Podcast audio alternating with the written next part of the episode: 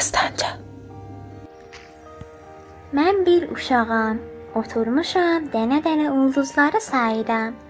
Amma saydıqca o birisini də görürəm.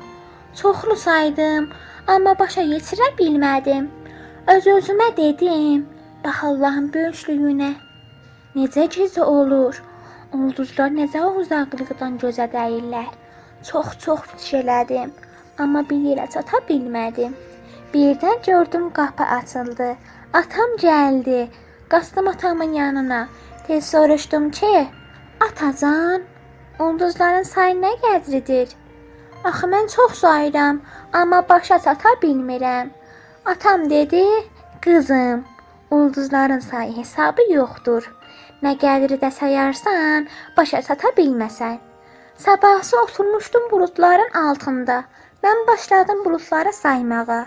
Çoxlu saydım, amma qurtarmadı. Yenə axşamçı atam gəldi evə. Tez soruşdum ki, ata, buludların sayı nə qədridir? Dedi qızım, buludların da sayı hesabı yoxdur. Ondan sonra hər vaxt ki istədim bir şey sayım, amma sayı bilmədim. Tutabana qüvvət özümə deyirdim. Sayı hesabı yox. Təkcə Tanrı bilir.